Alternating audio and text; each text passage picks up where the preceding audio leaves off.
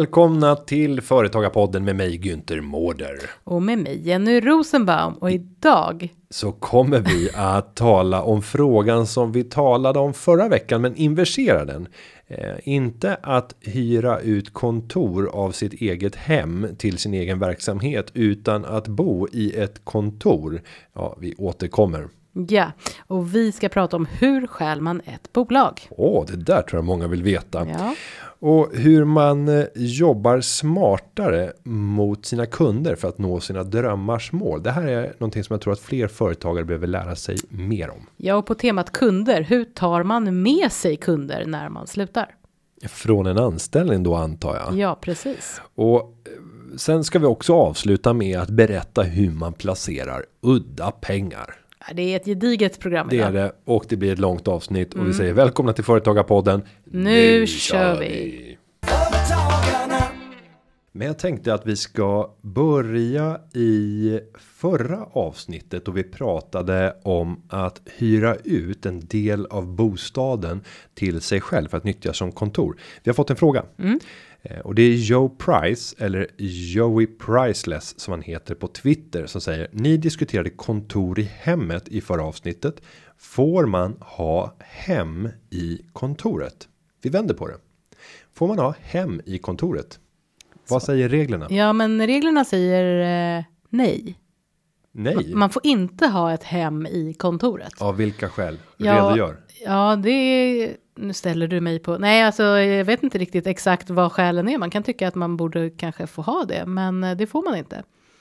Nej, men det, det jag tänker på, det är ju till att börja med. Vad säger kontraktet Mm. på det kontor som du eh, ja, hos värden som du hyr av?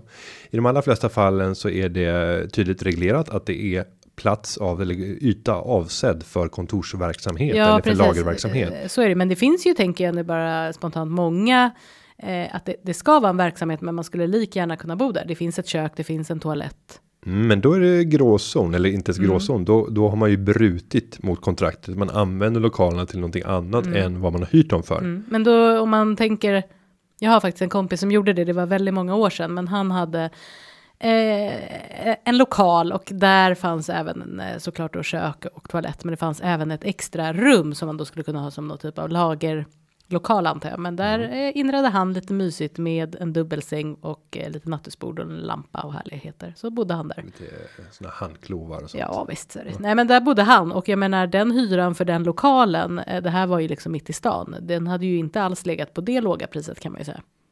Nej, men ofta så är det ju faktiskt så att det är dyrare Ja, det med kommersiella lokaler än vad det är med hyresrätter. Eh. Mm. Eh, sen, sen så är det ju omöjligt att få tag i en hyresrätt. Mm. Så då är man förpassad till andrahandsmarknaden och där är priserna oftast skyhöga. Mm. Så att jag tror nog att det går att hitta eh, i högre utsträckning. I alla fall så är tillgängligheten väldigt god eh, på lokaler Mm. att kunna hyra som företagare. Men det finns nog vissa om och men i den här frågan tror jag. För att om det är så att du stämmer av med din hyresvärd. Låt oss säga att du hyr en lokal i en bostadsrättsförening. Eh, De andra som de andra lägenheterna där bor det folk. Och om du då är överens med eh, hyresvärden, alltså föreningens styrelse, att du även får bo där. Eh, så borde det kunna finnas möjligheter. Jag kan ha fel. Det kanske Nej. finns något regelverk. Jag tror faktiskt inte att det, det, du får göra det för att det handlar väl om också ett reglemente. Alltså är du hyresvärd för en, en lokal så gäller ju vissa regler rent kontraktuellt också gäller ju vissa regler uppsägningsmässigt och så vidare. Men även jag tänker vad man som hyresvärd ska göra. Eh, kan jag tänka att det finns olikheter om det är en lokal eller om det är någonstans där du faktiskt ska bo. Eh, Ja, Jag tänka men det, och det kom, kriterierna är det känns lite högre ifall det ska vara en bostads. det jag ville komma till i nästa steg. Det var Ja. ju om jag faktiskt redovisar att jag bor och jag har godkänt från hyresvärden. Det är en lokal som accepterar att man bor där och uppfyller alla regler och normer och så vidare. Eh, och förmånsbeskattas för det. Mm. Så att värdet på den boyta som jag får i mitt kontor blir ett uttag av lön indirekt då. Då tror jag vi bolaget. börjar närma oss lite mer, men vi, vi får nog eh, ja, nej, man får nog kolla, kolla upp det här lite noggrant. Men det jag tänker på, nu hoppar vi till ett annat, eh, kanske en annan del i podden, men, men hur stor, kanske inte då jag ska säga som ska vara juristen här, men alltså hur stor är sannolikheten att, Att man, man, ska bli påkommen. ja, Ja, nej, den måste ganska, vara väldigt liten. ganska liten. Ja. För det Så- betyder ju att någon ska komma och knacka på dörren och säga att här får du inte bo. Nej, jag, jag skulle tro eh, utan att eh, anklaga någon att det förekommer i viss eller i betydande omfattning att eh, det finns företagare som bor. Mm. Och jag tror framför kontoret. allt att det är så här att eh, om man har ett företag och sen så, ja, men man kanske bor utanför stan, att man Ja. har det som övernattningsställe. Ja, tänk att du driver en butik eller salong eller någonting Mm. i ett bra centralt läge i stan. Du har en bostad utanför och att du har övernattningsmöjlighet i någon del av lokalen. Det är nog inte alls Mm. Otänkbart inte eller ens ovanligt. Nej, Men det är förbjudet. det Så att kolla, kolla vad reglerna säger. Vidare till en annan fråga som vi har fått från Henke SV. Henkis med Z på Twitter. Eh, Gosigt, lite Ja, som kramis Ja, det är lite puss. my, mys med Z. Eh, Och han undrar kort och gott Mm. hur snor man aktier och sen en sån där fundersam smiley och jag ska dra bakgrunden till Mm. varför just den frågan kommer. För nu börjar jag bli lite orolig om han är ute efter min aktieportfölj. Men då hänvisar han till en artikel som har eh, publicerats som ett reportage i Sveriges Radio.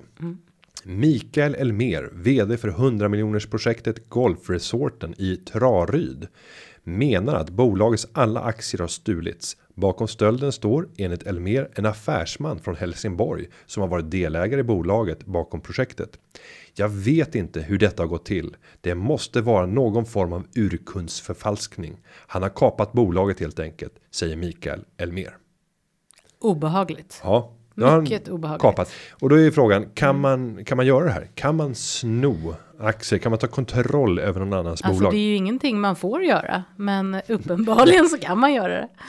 Eh, uppenbart. Uppenbarligen. Ja, och eh, då är väl frågan lite hur har det här gått till och hur är det möjligt med alla dessa regler och liknande eh, vi har här i Sverige. Och eh, ja, vad säger man? Det kan ju vara att den här personen har gått in som någon typ av firmatecknare då, eh, i bolaget.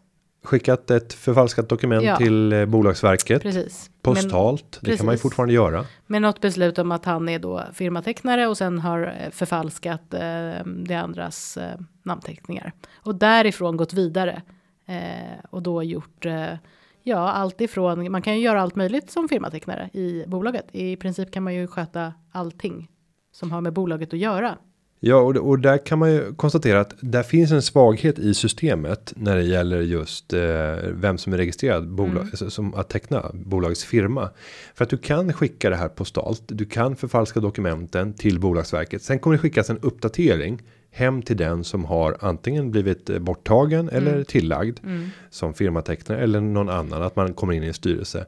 Men det kommer ju då i brevlådan om man inte har anmält att man ska Och ha frågan är digital också hur post. lång tid det tar. För att om det tar ganska lång tid mellan att det blir registrerat och att det blir eh, skickat hem. Då kan man ju hinna ganska mycket på den tiden emellan. Och Mm. då är det ju i och för sig ett fel känner jag i systemet. För det som borde hända i så fall är väl, nu vet inte jag exakta gången. Men det är väl att de borde skicka hem, kontrollera, stämmer det här? Och så hade man fått liksom igen på något sätt. Men eh, Mm. ja, Nej, och du kan ju göra allt i det läget när du har blivit firmatecknare. Mm. Eh, Jag kan dra en berättelse vad jag har gjort som firmatecknare här förra ö, igår var det till och med när vi spelar in det här. Då var jag i företagarnas bankfack. bankfacket. För det, man tror inte att det finns längre. Men Nej. eh, vi blev uppringda av SEB. Ja. Som berättade att kontoret på Sergels torg skulle jämnas med marken. Det är inte rätt. eh, Men de ska flytta ut därifrån. Mm. Så ska det bli ett hotell. Vad jag förstått. Och då var vi tvungna att tömma bankfacket. Eh, och Vad låg det där Eller får du säga nej, det? och det fick Nej. de ju inte säga. Jag frågade så här, vad är det i bankfacket? Så bara, vi eh, har tystnadsplikt. Du måste som firmatecknare komma hit Mm. och du ensam får inte teckna firma utan det måste vara i förening med ytterligare en styrelseledamot. Bara, Du bara, åh nej, jag måste hem till middagen. Åh. Vad är det här? Nej, men när man ska försöka lösa det och bara engagera en styrelseledamot i att mötas upp vid Sergels torg för att gå in i ett bankfack man inte har någon aning om vad som finns i. Mm. Så att vi gick ju med liksom stor förväntan till bankens lokaler. Mm. Du kanske trodde att det fanns kontanter? Nej, men jag såg framför mig att vi till att börja med skulle få komma ner i katakomberna Ja. och få stå bland alla de här Visst. facken, känna doften av gamla pengar och guld och sådär. Men nej, inte. Nej. Eh, utan det stod en man och mötte oss och vi hade anmält att vi skulle komma. Det, bara, det här måste vara hur mycket värden som helst. Undrar om jag kommer Mm. Kunna släpa hem alla Ja. Mm. kontanter och guld och smycken och grejer. Eh, och sen så togs vi in i ett rum.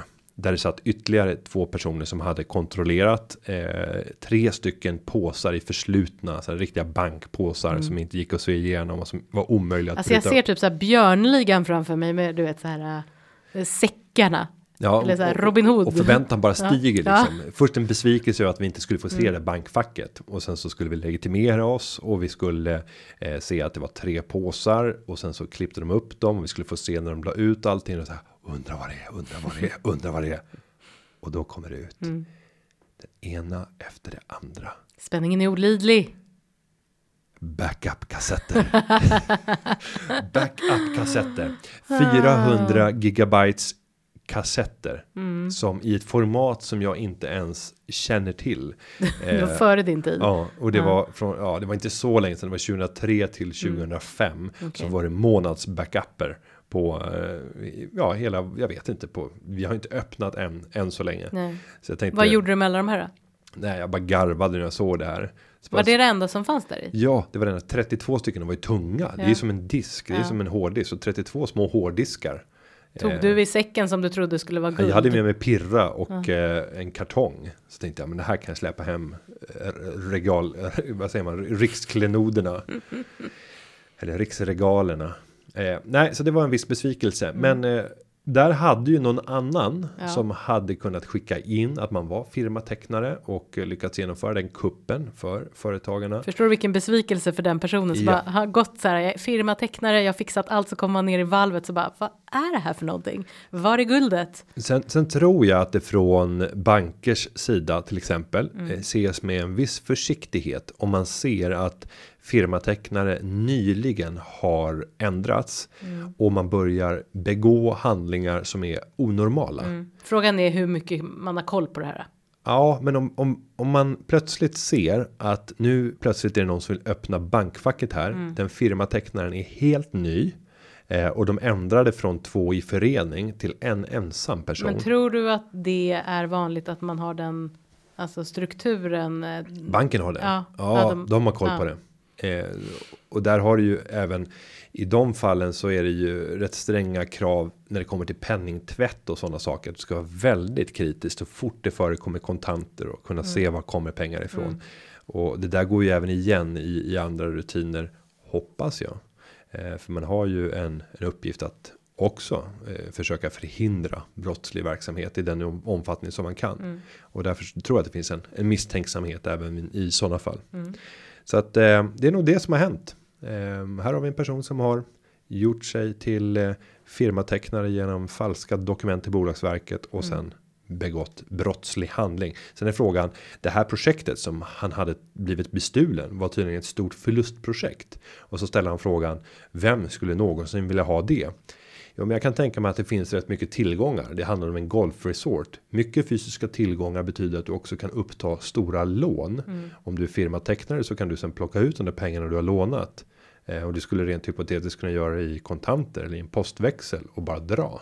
Och sen så dumpa bolaget till en, en målvakt. Det finns ju personer som gladeligen mot en flaska eh, Explorer Rörs ut. Ja. tar emot eh, bo- ett bolag eller skriver en bil på sig. Jag har sett en sta skrämmande statistik på vilka som äger flest bilar i Sverige. Och när man ser bilder på de personerna så kan man konstatera att ingen av de personerna kan ju överhuvudtaget köra bil. Eh, för de är så risigt skick. Ja. Eh, inte bilarna Nej. Mm. utan de själva. Men de äger jättemånga fina bilar i övrigt. Ja, så lite, lite det om det. Lite, ett litet sidospår, men ändå inte. Ja, Ja, eh, vi går vidare till dagens huvudämne. ja men det gör vi. Och det handlar ju om eh, hur man tar kontrollen över sina kundrelationer och eh, vad man ska tänka på för att kunna tjäna mer men jobba mindre eller göra roligare uppdrag eller med lönsamma uppdrag att kunna styra sin verklighet som företagare i en högre utsträckning. Det här tror jag är någonting som många behöver fundera mer kring. Mm, ja, verkligen. Och det finns ju en mängd olika saker man ska tänka på. Men jag tänker att vi har ju en liten lista och vi kan väl gå igenom några av de punkterna. Det kan vi absolut göra. Ska du börja med Ja, men jag börjar och då eh, är en av sakerna man kan göra. Det är att satsa på skalbarhet, det vill säga gör färre saker. Det behöver ju för sig inte då alltid låta så bra, men det är väl att gör färre saker och gör dem bättre. Eh, och genom att fokusera på några få saker så kan man också bli snabbare, bättre och eh, förhoppningsvis tjäna mera pengar på det. Vad tycker du om den? Men för vi hade ju någon fråga här.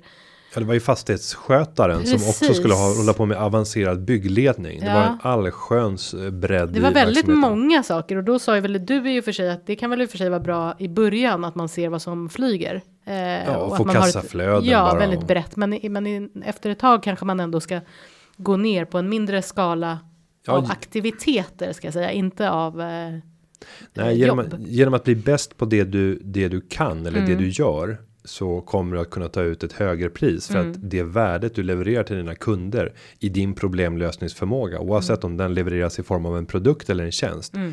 kommer att kunna betala sig mycket bättre Mm. för du kan ta mycket bättre betalt för saker som du gör bra än för saker som du gör dåligt. bra sagt.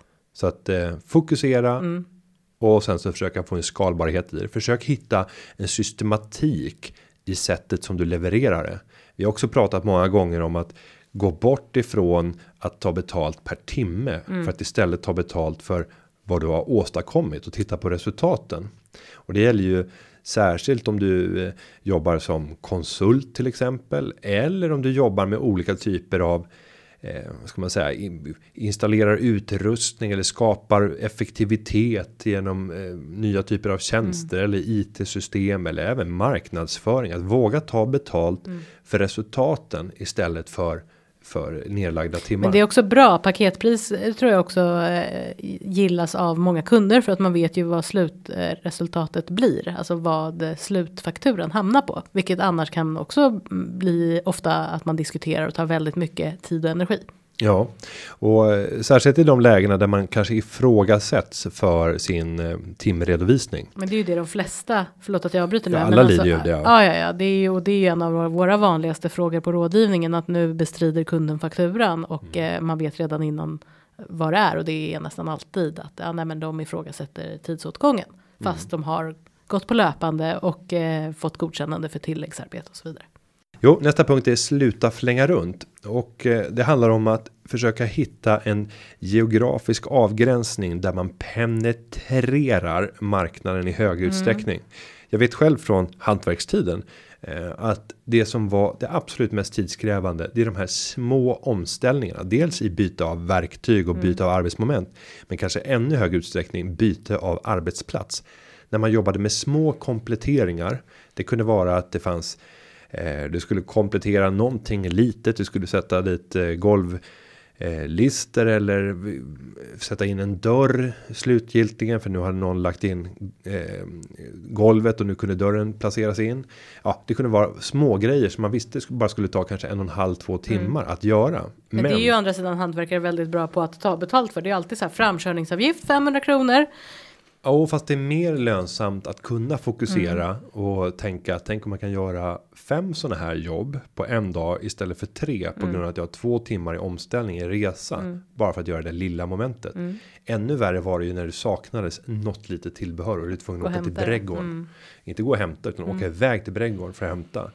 Och där finns det ju en, egentligen en väldigt stor marknad för att ha eh, det man kallade förr i tiden pinpojkar Ja, ja. som kunde som man skickade iväg som löste det och som var extremt eh, tidigt i karriären och inte behövde någon vidare lön. Eh, och en avtalsenlig mycket låg lön. Men- inte behövde någon vidare lön. Nej, Nej, men, alltså. eh, ja. ja. ja, vi går vidare. Nej, nej, men det jag, det jag vill säga, det handlar inte bara Mm. om geografi, eh, utan det kan ju handla om att koncentrera sig kring kundkluster Mm. för att till exempel få sälja mer om vi jobbar med till exempel tjänsteförsäljning. Mm. Att hitta kluster man kan jobba i där nyförsäljningen av nya uppdrag kan ske inom samma kluster. Mm. Det kan vara inom företagarföreningen lokalt eller det kan vara ett annat nätverk eller att man på något sätt har ett shit som gör att det samlar människor oavsett om det är i fysisk värld eller i digital värld. Men att fokusera affärerna för att på så sätt kunna få mindre spilltid eller mindre försäljningstid. för nytt uppdrag. är väl eh, mäklare ehm, som har eh, tagit en geografisk mindre marknad så att de lär känna varandra både köper och säljer ehm, till människor som vill bo på ungefär samma ställen. Ja, för du blir extremt Ja. duktig på det och, Mm. och kan hela flödet och du vet vilka som är i Mm. rörelse och vilka som är på väg in. Och, eh, så att det är en typiskt. Eh, ja, ett, typiskt bra område för att verkligen visualisera. Men det här Mm. gäller i alla branscher, Mm. även det som är fullt ut digitaliserat. Mm. Att, att hitta kunder som finns i kluster Mm. eh, på något sätt Mm. som gör det enklare att kunna leverera kanske samma lösning till fler kunder. Mm. Eh, Det är ju drömmen om man jobbar med konsult eh, affärer att hitta sätt att kunna sälja samma kunskap Mm. flera gånger om istället för att ta helt nya uppdrag och behöva implementera nya modeller, göra nya typer av av material för att kunna sälja på det. Mm. Ja, så det får bli min eh, min eh, första. Det var din första. Ja, då tar jag en till det här. Eh, var proaktiv, inte reaktiv. Då kan ju, vad tror du det betyder? vad betyder det? Ja, men det Nej, men det betyder, det betyder att man ska söka upp sina kunder, eh, man ska svara på eh, offertförfrågningar, man ska lobba aktivt med att hitta nya kunder och så vidare. ja, och Och jag- det låter ju ganska, Och här tänker jag lite grann på eh, kärlek och hur Ja. man hur man finner partner. Jag Mm. brukar alltid säga att får var man proaktiv. ja, ja nej, men så här, får man inte den man älskar Ja, så får man älska den man får. Och det är en ganska bitter. det låter ju väldigt deprimerande. Ja, men där har du den reaktiva människan. Ja, att man Så nöjer u- sig. Mm. Ja, man ursäktar sig. Får man inte den man älskar så får man älska den man får. Så kan det i och för sig vara med familj annars brukar man säga. Ja, Då får man älska den man får ofta. ja det, Det är svårt det att liksom. lite så. Ja. Men, men grunden här tänker jag Mm. är att eh, antingen så väljer man att bara ta emot orders Mm. och vara den här ordermottagaren som är, är reaktiv och gör vad kunderna säger åt en Mm. att göra. Eller som är man proaktiv vågar selektera, vågar bearbeta de kunderna som man faktiskt vill ha, Mm. inte bara de man får. Och det kanske innebär att man måste jobba med säljarbete fyra gånger mer än om man bara skulle ta de reaktiva affärerna som kommer in. Men i över tid så är det mer intressant och det man kan göra här det är att rita upp en drömbild av var vill jag att mitt bolag ska befinna sig om fem år och sen rita in vilka typer av kunder är det som gör affärer med mig? Vad är det för typ av affär de gör med mig? Och sen får man titta på hur ser det ut idag? Hur stort är det här glappet mellan det framtida drömtillståndet och där jag befinner mig idag? Och sen ställa sig frågan vilka kunder är det jag behöver för att kunna nå till det här framtida drömtillståndet? Det här, eh, nu hoppar jag här, men för det är egentligen en annan punkt som du ska ta upp eh, efter. Men, men den här punkten har jag skrivit Günthers favoritpunkt och den hör ihop med det du precis sa. Och det är då under punkten en tryggare vardag. Och det är just det här som du alltid pratar om skulle jag säga eller väldigt ofta. Och det är ju att man ska analysera eh, resultatet och hela tiden se vad har jag gjort, vad kan jag göra bättre, varför blev det så här? Eh, granska helt enkelt dina nuvarande uppdrag. Ja, och det kan det vara så att du har en enskild kund Mm. som är mindre lönsam i ett kortsiktigt perspektiv. Men du vet att den här kunden kommer att kunna leda till mer spännande affärer. Mm. Eh, Det kommer att öppna helt andra typer av dörrar. Och då kanske den kunden är mer värd att ta. Mm. Än eh, den kunden som kortsiktigt hade genererat mer pengar. Ska du få ta eh, eh, en till? Eh, prisöversyn. Mm. Proaktiv försäljning i bra tempo leder till naturlig prisöversyn eftersom du kan välja dina uppdrag och dina kunder. Och här tycker jag alltid att man ska göra sin kundkalkyl och titta på vilka kunder är det jag har? Hur ser deras relation med mig ut? Vad har de för betalningsförmåga? Befinner sig de här kunderna i en växande eh, trend? Alltså blir de större och större och viktigare? Eller är det stagnerande kunder eller till och med kunder som är på väg att att försvinna för att eh, det är bolag som krymper. Där vill man ju satsa på de kunderna som man tror att i framtiden kan de här komma att bli ännu viktigare. Mm. Göra en översyn och de kunder som kanske kommer vara borta och inte generera några större affärer. Ja, där kan man vara mer aggressiv med att faktiskt höja lönsamheten, höja priserna, för du vet att det här är en kundrelation som det kanske inte är lika farligt att tappa. Eh, om det skulle vara så att du tappar dem så är det bara att du egentligen har tidigare lagt en kundförlust som ändå hade kommit så att du kan lägga mer tid på de kunderna som kan bygga din framtid. Det kan låta krasst, det kan låta hemskt, men någonstans så måste vi kalkylera med mm. hur skapar vi den drömbild, den drömverklighet som som vi själva vill ha. Det är inte utopiska eh, skäl som driver oss till företagandet, även om det handlar om att man vill uppfylla sig själv och liksom förverkliga sin dröm, testa sina idéer. Men, men i grunden så har du ju ingen skyldighet att leverera till alla som vill att du ska producera en tjänst eller en, en vara till dem. Och det är ju egentligen den sista punkten som du pratar om nu och det är ju släpp gamla uppdrag, våga säga nej, vilket jag rent man bara tar rent per automatik vad man säger är väldigt svårt. Jag tror det är väldigt få, framförallt i början som vågar säga nej till uppdrag. Nu står det ju för sig här gamla uppdrag, så det kanske är att vissa uppdrag tar mer energi än vad man faktiskt får ut. Eh, ja, alltså rent ekonomiskt. Och de jobbigaste uppdragen, vi har haft det uppe för fråga tidigare, de, när det uppstår nästan vänskapsband. Mm. Vi har pratat att göra affärer mm. med vänner. Ofta så kan de kontrakten bli väldigt olönsamma mm. för att man man är så privat med den här personen. Det kanske är så att man umgås till och med utanför mm. Och jag tror inte över tid att det är bra att ha den typen av relationer för då börjar man blanda mm. privat och professionellt på ett sätt som kommer att kunna komplicera och kanske till och med äventyra den privata vänskapen. Mm. Så att det, eh, det kan till och med finnas en fördel att att backa tillbaka från kunder som man har en privat relation med för att det är svårt att kanske ja, hantera de, de saker som kommer med med blandningen av privat och professionellt. Mm. Ja, det var en eh, salig blandning av punkter som eh, förklarar hur man kan ta kontrollen över kundrelationerna. Och vi hoppas att eh, fler lyssnare kan eh, tjäna mer utan att behöva jobba mindre eller få ut mer. Eller, Nej, jobba.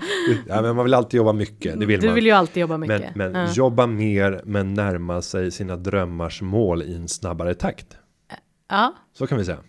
Annars är det många som skulle gilla jobba mindre, tjäna mer. Ja, ja. men jag, ja, jag kommer alltid det, vilja jobba mycket. Ja, mycket, men du skulle ju gärna jobba mindre och tjäna mer jobba mindre och tjäna mer. Nej, nej, jag vill alltid jobba mycket. Men jobba med mer. Alltså, tänk, tänk om man skulle kunna få ytterligare. Eh, alltså att du fick. Alltså bra ledarskap handlar ju om att kunna delegera. Mm. Och tänk dig, alltså där kan jag se med viss avund på de som sitter och kontrollerar stora liksom, familjekoncerner. Mm. Och där de kan leda indirekt kanske fem olika verksamheter. På mm. pappret så är de inte vd, men alla ser ju på dem. De styr med järnhand. Ja, ja. de är där, ja. de är där liksom. Sen så har de sina hantlangare mm. till vd som blir mer blir av administrativ ja. karaktär, ungefär som en kontorschef. Mm. Och det är klart att det hade varit en dröm att kunna få jobba mer, men med fler. Och jag eh, kan säga och prata för mig själv att jag hade gärna jobbat mindre och tjänat mer. Ja, ja. vi är alla olika. Men det, det är du som är vdn här och det är jag som inte är det. Nej. Nej. Men, Men vi går vidare. Vi går vidare. ja. Nu har vi en fråga från Albin i Umeå. Jag läser. Mm. Hej! Vad tänker ni om att ta med sig kunder om man säger upp sig och startar eget i samma bransch. Jag jobbar på en målarfirma där vi servar flera mindre byggfirmor med måleriarbeten. Vi gör jobben löpande och lämnar inte pris om det inte är större jobb än några veckor. Om jag startar eget och tar med mig vissa av dessa kunder till mitt nya företag och fortsätter göra löpande jobb åt dem känns det ju taskigt mot min nuvarande arbetsgivare. Samtidigt vill vissa firmor ha just mig på deras jobb. Så vitt jag vet så finns det inga kontrakt skrivna på dessa löpande jobb. Hur tänker ni kring det här? Tack. Ja, vad gäller? Får man här, är det ju uppenbart Mm. att Albins arbetsgivare har väldigt goda relationer. Jag tänkte precis säga det att han sa ju här, eller han skriver ju här att det känns ju taskigt mot min nuvarande arbetsgivare. Där är ju liksom grundkänslan. Eh, det känns taskigt och där har vi också det här eh, inbyggda eh, tysta som man säger, för det står ju inte i avtalet, men eh, grundläggande loja lojalitetsförhållandet arbetstagare och arbetsgivare emellan som innebär att arbetstagaren under hela anställningstiden ska vara lojal mot sin arbetsgivare. Och det är man ju i det här läget. Alltså Ja, Albin so är far ju, so good. Mm, Tills han startar sitt företag Mm. och allting är avslutat. Där upphör ju lojalitetsplikten. Ja, det gör den Samma ju. dag som lönen ut, är, är Ja, precis. färdigutbetald. Sista anställningsdagen och då är det ju att man får ju inte heller starta firman utan att säga någonting och få ett godkännande Innan dess, nej. Innan dess. Men om man nu inte gör det utan man gör det dagen efter. Då är det precis som du säger att då är den slut. Men då kan det ju finnas lite olika klausuler som man ibland kan ha i sitt avtal. Och nu är det inte säkert att det står heller inget om, om det här. Eh, men de här konkurrensklausulerna man pratar om är ju många som bara slänger in som arbetsgivare. Och det ska jag väl inte gå in för mycket på dem, men generellt så är de inte tillämpbara. Därför att man har inte följt de rekvisit som gör att de blir tillämpbara. Eh, sen ska man också säga att eh, man får inte eh, säga till till exempel en målare, du får inte vara målare, då har ju den personen ett näringsförbud, det går liksom inte. Eh, så att det ska ju ändå finnas någon konkurrens som är vettig. Men kundklausuler, de kan vara giltiga och det betyder ju att det är en klausul som säger att du inte får ta med dig kunderna. Men, förlåt, nu liksom hann du knappt eh, andas där för att det, men, det är ju också så att kunder kan välja dig. Kunder är också fria människor. De är ju det och då är det ju rätt svårt eh, att, att skriva. Det finns ju så här eh, skrivelser man får passivt, inte passivt eller aktivt värva över liksom. Nej, och, och nu har ju du haft liksom ett, ett juridiskt eh, perspektiv Mm. Ja. på den här frågan. Och nu får liksom, du ha ett annat perspektiv. Ja, det, det har varit massor med juridiskt jada jada. Tyst, det var väldigt lärorikt. Ja, ja, det är Ja, det. Det är det. Men, men om vi ska titta mer. Man måste ha grunden innan man kan bygga på alla dina liksom nu de utspårade är kommentarer. pragmatiska. De är pragmatiska lösningar. De tänker så här. Om du är verksam inom målarbranschen. Ja. Du lämnar ett företag. Du ska jobba, tänker du, med samma kunder som Mm. Mm. du har jobbat tidigare. It's a small world. Alltså. Nej. Rent faktiskt att att göra den blåsningen eh, som det här företaget Mm. du jobbar för idag kommer uppfatta att du gör när du snor kunder. Du säger ta med dig, men de kommer uppfatta det som Mm. att du snor kunder. Det är deras upparbetade kontakter. De har till och med så goda kontakter att det inte ens behövs kontrakt skrivna för de jobb som de utför. Det, du, du har Mm. Mycket inte, bra. Du har inte bara tagit silvret, du har tagit kyrksilvret, det allra Mm. heligaste kyrksilvret från företaget. Kommer de tänka? Mm. Och det är med det här du ska leva sen. Att det finns Mm. ett företag som är din före detta arbetsgivare som hyser agg mot Mm. dig. Så att jag säger så här. Istället för att vara tyst om det här. Mm. Sätt dig ner med den som äger företaget eller den som är chefen. Eller den, den formella ledaren. Mm. Och säg så här. Jag drömmer om att starta eget. Jag tänker förverkliga det steget. Jag vet att det finns flera kunder som skulle komma till mig om jag hade startat eget till följd av den relationen som vi har haft. Eh, Det kan också tänkas att det kommer andra målare som är anställda här idag som skulle tycka att det var roligt att komma till mig. Jag vill vara helt öppen med det här för en öppen diskussion för jag vill att vi i samförstånd hellre kan bygga styrka tillsammans än att motverka varandra. Och, och då eh, ska, nu sitter ju Günther här och han liksom så här med, talar med lugn stämma och han ska vara så pragmatisk och fin och jag struntar nu i mina juridiska begrepp och så säger jag så här till honom för det är det här målaren sue kommer säga du är you." dum i ditt hela huvud. Tror du att du ska komma och ta mina kunder och nu snackar också om att du ska ta över målare i samförstånd. Det kan du glömma. Och sen så smäller man igen dörren. Vad gör du då? Ja, men precis. Då går jag iväg till eh, närmsta eh, lågprisbutik och köper en vetelängd. Ja. Och så knackar man på igen. va? Hallå, hallå. Eh, är det du igen? Försvinn, ditt pack. Mm, Du har förstört, du försöker konkurrera med, jag har gett dig jobb och jag har haft den här firman i 25 år och nu ska du förstöra allt här på den här lilla orten. Och du kommer ut och ser din privata bil, den är helt Ja, söndertrashad. kvaddad. Barnen är borta från dagis, de har Ja. blivit hämtade tidigare av eh, någon som skulle passa dem. Sa, eh, Som sa att de var firmatecknare. Ja. Nej. Det, du förstår ju, det är De inte alltid. de ligger- de i ån.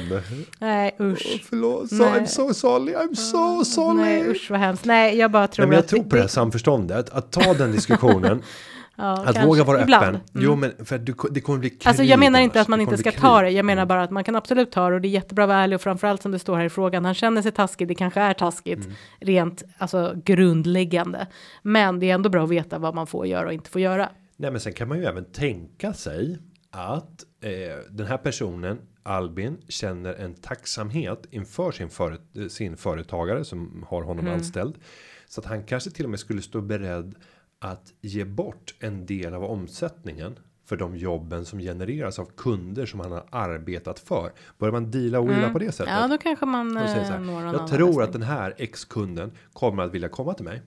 Ska vi göra så att jag gör de jobben, men under två års tid så får ni första året 10% av omsättningen på de jobben. Eh, och år två så får ni 5% av de jobben som jag fakturerar till den kunden. Ska du ta mina kunder och du vill ge mig fem ynka procent? Du kommer få betalt för jobb som du inte ens utför och kostnader som inte ens finns. Ja. Det bara rinner rakt igenom. Det blir ren vinst. Eh, nej, men det, går- det går att vara pragmatisk. Det går att lösa. Så jag tycker var pragmatisk. Ja. Man kan ju stjäla mycket. Alltså det är kunder. Ja, det kan nej, man men ju. men Jag man vill kan, alltså- man kan förlåt. kunder, personal, immateriella tillgångar och materiella tillgångar. Just när det gäller materiella tillgångar. Då finns det tror jag en ganska stark liksom etablerad respekt för att man inte gör det. Bara för att man slutar och startar eget. Så börjar man, Ta inte, med så sig- börjar man inte tömma Verkstaden. verkstaden.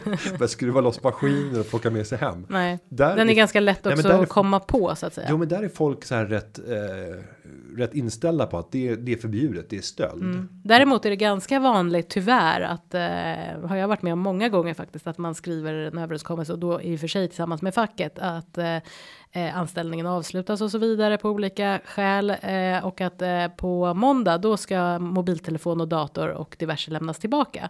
Det är ju inte sällan det är väldigt mycket fel på mobilen har råkat tappas och eh, datorn är sönder.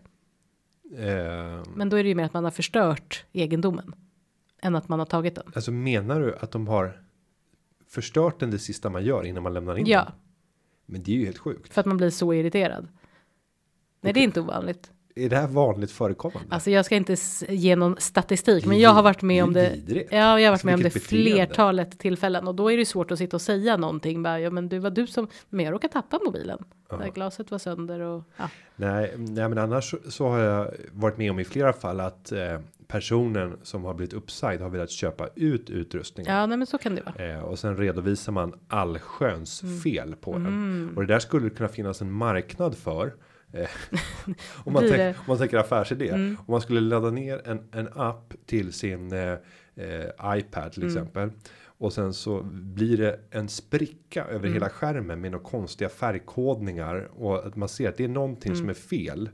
Och sen så bara visar man upp det när man har blivit uppsagd. Ja, och sagt det. att, vad betingar den här för värde? Det är en trasig iPad. Mm. Bara, kan vi säga 500 spänn och sen tar man bara bort appen. Så var vaksamma alla företagare ute. Det finns fula metoder.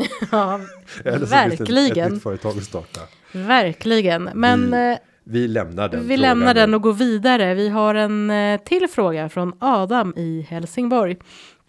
Om två veckor när jag fyller 22 år, då får jag 450 000 kronor insatta på banken efter en udda lösning när mina föräldrar skildes för många år sedan. Underbart. En udda lösning. Mina föräldrar har också skilt sig men det blev Det var en, annan, mig- det var en annan lösning, men den var, och, den var också udda, minus pengarna. Ja, udda minus pengarna. Ja, vad ska jag göra? Min dröm är att kunna köpa en lägenhet i Stockholm. Eller är det en dum idé på grund av de höga priserna? Finns det något annat alternativ om det inte blir någon lägenhet? Jag är alldeles för dåligt insatt i aktier och så vidare för att riskera dessa pengar som jag verkligen vill göra något vettigt av. Tack på förhand. Jag, jag bollar över. Ja, tackar. Eh, Vad säger du? Udda lösning. Vad gör man? 450 000? ja, det är en ansenlig summa Mm, pengar. Eh, och det räcker tyvärr inte till någon eh, lägenhet. Men en insats kanske? Ja, det räcker till en insats för en mindre lägenhet. Sen är ju frågan vad har eh, Adam för sparkvot i övrigt? Hur mycket av det han tjänar lägger han undan i sparande?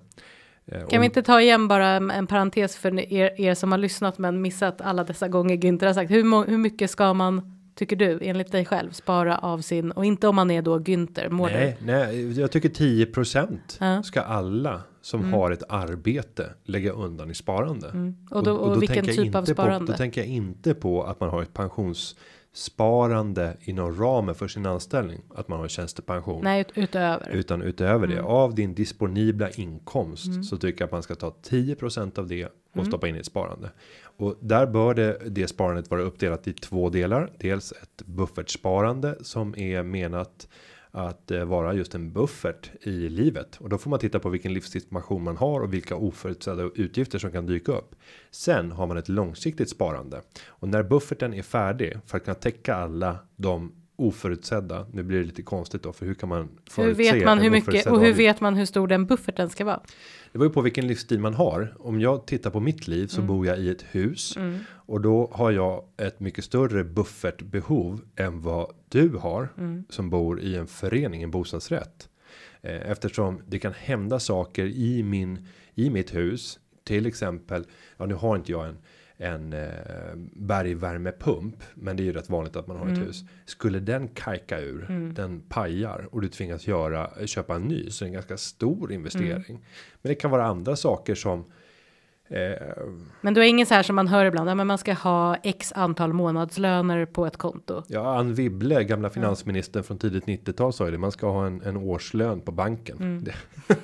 Det, det, det, det togs väl inte emot sådär Nej. av, av svenska folket. Eh, men hon tyckte att det var en bra tumregel. Ja, ja, visst. Eh, och, Det och, kan ju alla ha. Ja, men, men 10, 10% av disponibla inkomsten. Jag skulle säga att för de allra flesta så räcker en buffert på en 30, 40, kanske uppåt 50 000 kronor. Beroende på vad man har för liv. Har man en dyr bil, ja då är inte 40-50 000 speciellt mycket. Men har man ingen bil, ja och man bor i lägenhet, nej då är 30-40 000 ganska så mycket.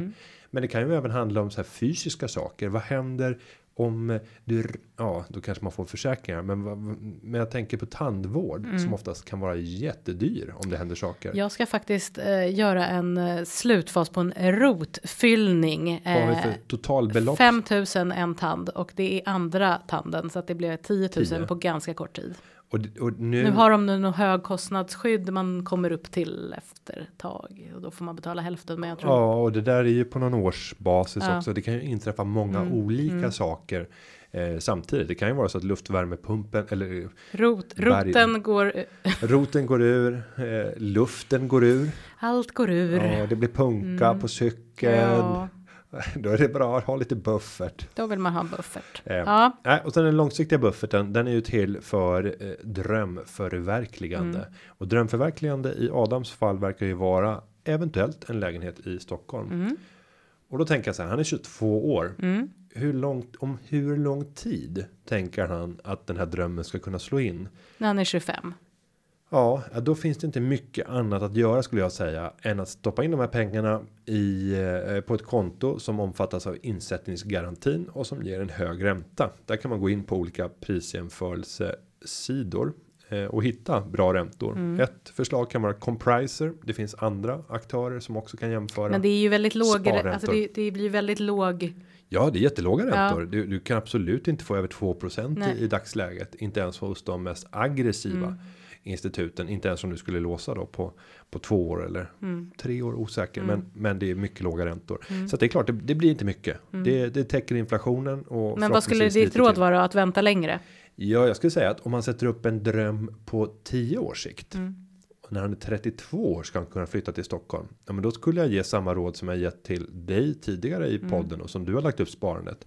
Att köpa indexfonder med låga avgifter, helst av allt gratis. Jag rekommenderade att köpa 50% i Sverige, 25% i Norge, 25% i Danmark. Detta har jag gjort, men ibland kan jag drömma lite mardrömmar om att allt går jättedåligt och så, så ringer jag upp dig och du bara, vem är du? Så bara, men, men Günther, kommer du inte ihåg mig? Det var ju det här du sa. Nej, Nej, nej, det där kan jag inte minnas det Jenny. där var jag faktiskt med om tidigare idag. Det är så ångest, bara nej, jag, jag vet inte alls vad du pratar om nu. Nej men snälla, jag har tagit mitt livs besparingar och 50% Sverige, 25% Danmark, 25%. Det där har jag aldrig sagt. nej. Man står med gråten i halsen Nej, jag, är, nej, jag är ledsen. Jag, jag jobbar på företagen. Jag har ett jobb att sköta. Nej, jag blev faktiskt uppringd tidigare Mm. idag av en, eh, referenstagerska. Säger man det? Den som tar referens.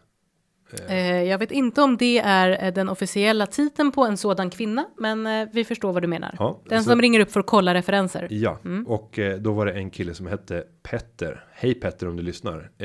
Jag har inte alls koll på vem du är så att ange mig som referens är inte en speciellt bra grej. Eh, och nu Det visar är det ju sig. jätteroligt. Ja, han har varit på samma arbetsplats som jag har varit. Jag ska inte säga vilken, för jag ska inte röja han honom. har sett det i korridoren. Ja, men en tidigare arbetsplats. Jag vet inte ens vem det är. Nej. Och den här kvinnan ska då eh, intervjua mig kring den här Petter. Och det blir ju bara badwill. Ja. Och jag står där så här, ja, jag undrar varför har jag angivit mig. Du bara, vad var han hette i Mycket. efternamn? Ja, men och så kollade jag på Facebook Googla. och så bara, nej. Det finns fyra personer som heter det namnet som jag har gemensamma vänner med. Men jag kan inte ens utifrån vårt samtal nu lista Nej. ut vem av Nej. de fyra det är. Det kan också vara bra, ett tips för er där Mm. ute som vill att man, någon ska vara referens. Det är rätt bra att ringa. Bara checka av sådär när man har uppgett någon. Att såhär, vet du vad, det kan vara så att du får ett samtal. Ja. Eh, lägg in ett gott ord. Det är till och med klädsamt att ställa Det känns som att det, det är kutym. Men åter till Ja. eh, Adam då. De 450 000 kronorna. Om det är så att du ska förverkliga drömmen om bostad vid 32 års ålder. Då har Mm. du 10 år kvar. Då skulle jag stå beredd att fördela pengarna på det här sättet. Och köpa till exempel superfonderna på Nordnet. Eh, Sverige, Norge och eh, Danmark enligt den fördelningen. Och enligt det senaste året, det har gått väldigt bra. Det har gått bra va? Ja. De som har gått bäst i Norge om inte jag har fel. Ja, och där bytte jag ju lite. Det var ju, du var lite sen på att säga att jag skulle göra den fördelningen. Men den här fördelningen har jag pratat om Ja, men- i 10 års tid. Jo, men till mig Ja, var du lite sen att säga det. okej. Vad sa jag först då? Jag tror vi bara sa Sverige. Jaha, ja, ja, Mm, man kan börja med bara Sverige. Tack. Nu får jag den här känslan igen. Så här, jag, har, det har, jag har sagt det här i tio år igen nu. Nej men snälla, vi har ju pratat hur mycket som helst. Lyssna på gamla poddar. Nej, men Norge, Ja. Mm. Norge har gått väldigt bra. Eh, Danmark hade ju en liten sättning Mm. när Novo Nordisk började eh, rapportera, rapportera lite tråkiga siffror. Däremot så har Danmark gått väldigt bra senaste tiden. Mm. Eh, så att eh, de där balanserar. Det är det som är skönheten. Ja, det är det du har förklarat de, för de mig. Mm. tre går lite olika och vi har lite olika valutasvängningar. Vi har euro i Danmark, vi har norska kronan i Norge och vi har svenska kronan i Sverige. Men det är inte så att du tycker att man ska hoppa in på den amerikanska marknaden? Eh, nej, jag tycker inte nödvändigtvis. Eller är det bara för att du gör lite reklam för Nordnet som är Eh, Norden? Nej, man kan tänka sig USA också. Eh, men då gäller att man Mm. Har bättre koll, Nej, nej, men, nej, det behöver Nej, man inte ha. för det utan, för inte- Mm. det finns en ännu större valutavariation. När jag sa eh, Danmark och euro så Ja. är ju det för att danska kronan är kopplad till euron. Ja. Men US-dollarn beter sig ju väsensskilt mot den svenska kronan Mm. och rör sig väldigt kraftigt eller snarare tvärtom. Svenska kronan rör sig kraftigt i förhållande till dollarn. Ja, vad är hönan, vad är ägget? Men där har vi sett stora fluktuationer och dollarn är just nu väldigt eh, dyr Mm. i ett historiskt perspektiv. Det har varit långt mycket eh, högre eh, kurs på dollarn. Om vi går tillbaka till 2001 sommaren, då var det nästan 11 kronor. Eh, och nu är det strax under, den har varit uppe på 9 och sen Mm. Lite under 9 nu. Mm.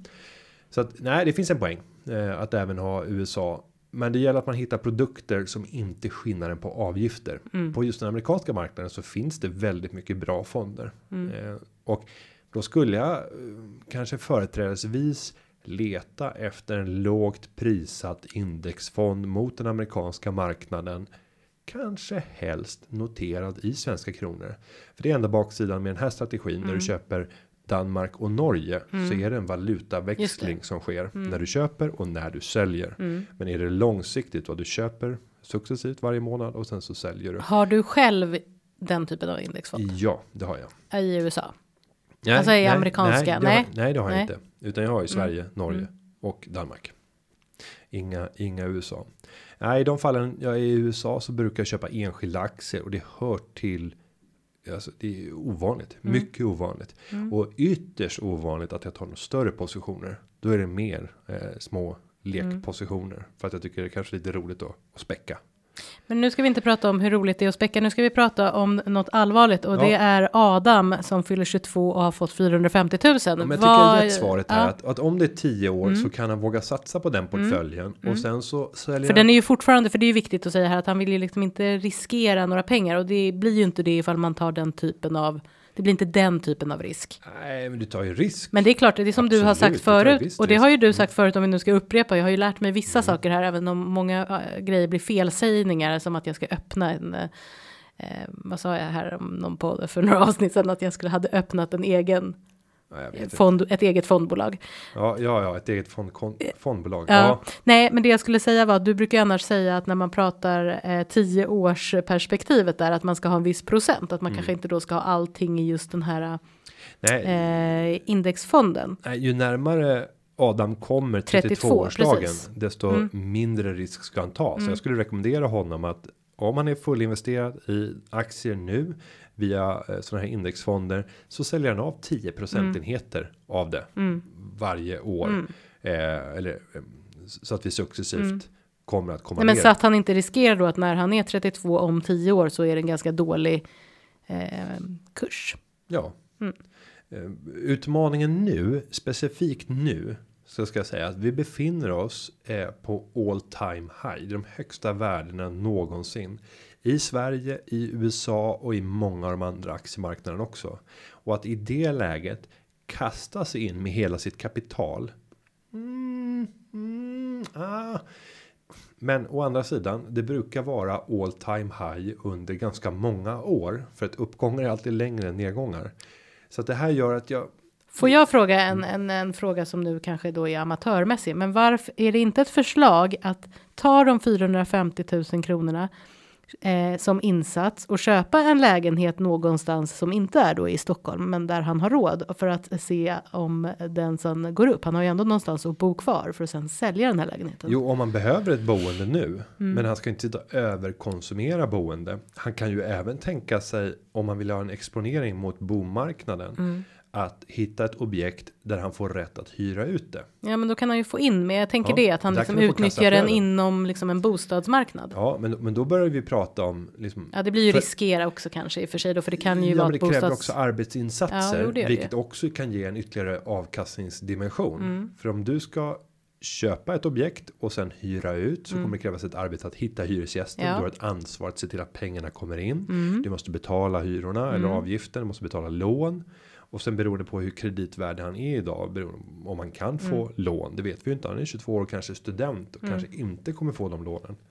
Eh, Men det är också ett annat alternativ. Men då blir det mer jobb för pengarna. Mm. Och kanske större risk också tänker jag ifall det inte går att sälja lägenheten för eller det boendet man ska sälja det och köpa ett nytt boende så är det inte säkert att det har gått upp heller utan det kan ju Nej, och nu kommer han från Helsingborg. Nu Helsingborg har ju rätt höga priser Mm. också, men ska han tänka en liten bit utanför Helsingborg. När jag var där senast så passade jag på att vara i Klippan också Mm. som ligger en kort bit ifrån Helsingborg.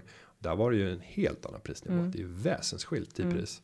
Skulle han köpa en tvåa eller trea där, använda det här som insats och sen hyra ut ett rum av dem Mm. och göra det för 4000 kronor i månaden och få 48 000 in på ett år. Då är de pengarna skattefria mm, det är de. Eh, och det skulle kunna bli en väldigt fin ekonomi och han skulle kunna få en bra Mm. alla fall på avkastning år. om han kan i och år. behöver och vill eh, ha ett boende. Mm. Så det är Ja. ett alternativ. Mm. Med det så ska vi knyta ihop eh, den här säcken och eh, tipsa om nästa veckas avsnitt eller ett av de kommande framöver. Det får vi se hur Mm. det blir, för det kan bli lite special med entreprenörer framöver. Eh, Men vi kommer att ta upp frågan hur man skyltar som proffs för dig som har ett skyltläge av något slag, antingen en butik eller när man tänker andra typer av skyltfönster. Mm. Hur gör man det på smartaste sätt? Eh, Jag ska också passa på att tipsa om några saker framöver som jag kommer att göra. Bland annat så ska jag åka över till ön. Mm. Till Gotland. Till min ö? Nej. Nej, inte till, inte till Lidingöön. Nej. Utan till Gotlandsön. Den 10 mars så kommer jag för en hel dag och helkväll i, eh, till Visby. Trevligt. Där ska jag ha en eftermiddagsträff med lokalpolitiker och företagare på Visby strand klockan 15 till 16.30. Och det kommer att handla om så här kan Gotland få fart på jobbskapande och tillväxt. Och jag kommer redovisa en färsk rapport om hur företagandet ser ut på Gotland och hur det förhåller sig i till fastlandet och övriga Sverige. Hur ser det egentligen ut? Spännande. Och sen kommer det vara hantverksgala på kvällen klockan 19.30 på Munkkällan. Så bor du i Visby eller på hela Gotland eller bara är företagare som vill till Visby. Åk dit den 10 mars. Boka in dig på hantverksgalan. Hört att det är riktigt bra väder då. Ja, men det kommer. Det spelar ingen roll på Nej. Munkkällan klockan 19.30. eh, Där är, det- där är det fint Fredag väder. den 10 mars. Där Ja. kommer solens strålar skina. skina. Mm. Med det Jenny har det blivit dags att säga att eh, vi tackar för den här veckan. Det gör vi.